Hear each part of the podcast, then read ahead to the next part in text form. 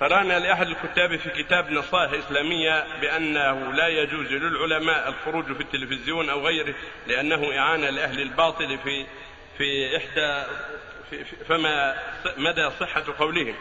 وكيف لا الخروج في التلفاز إذا كان أراد به نصر الحق. نرجو أن لا يكون عليه حرج إن شاء الله. إذا خرج في التلفاز أو ندوة في التلفاز الحق تنصر الحق لأن التلفاز عمت به البلوى الآن يشاهده الناس في كل مكان. فإذا ما ظهر فيه الحق صار يظهر فيه أهل الباطل فقط.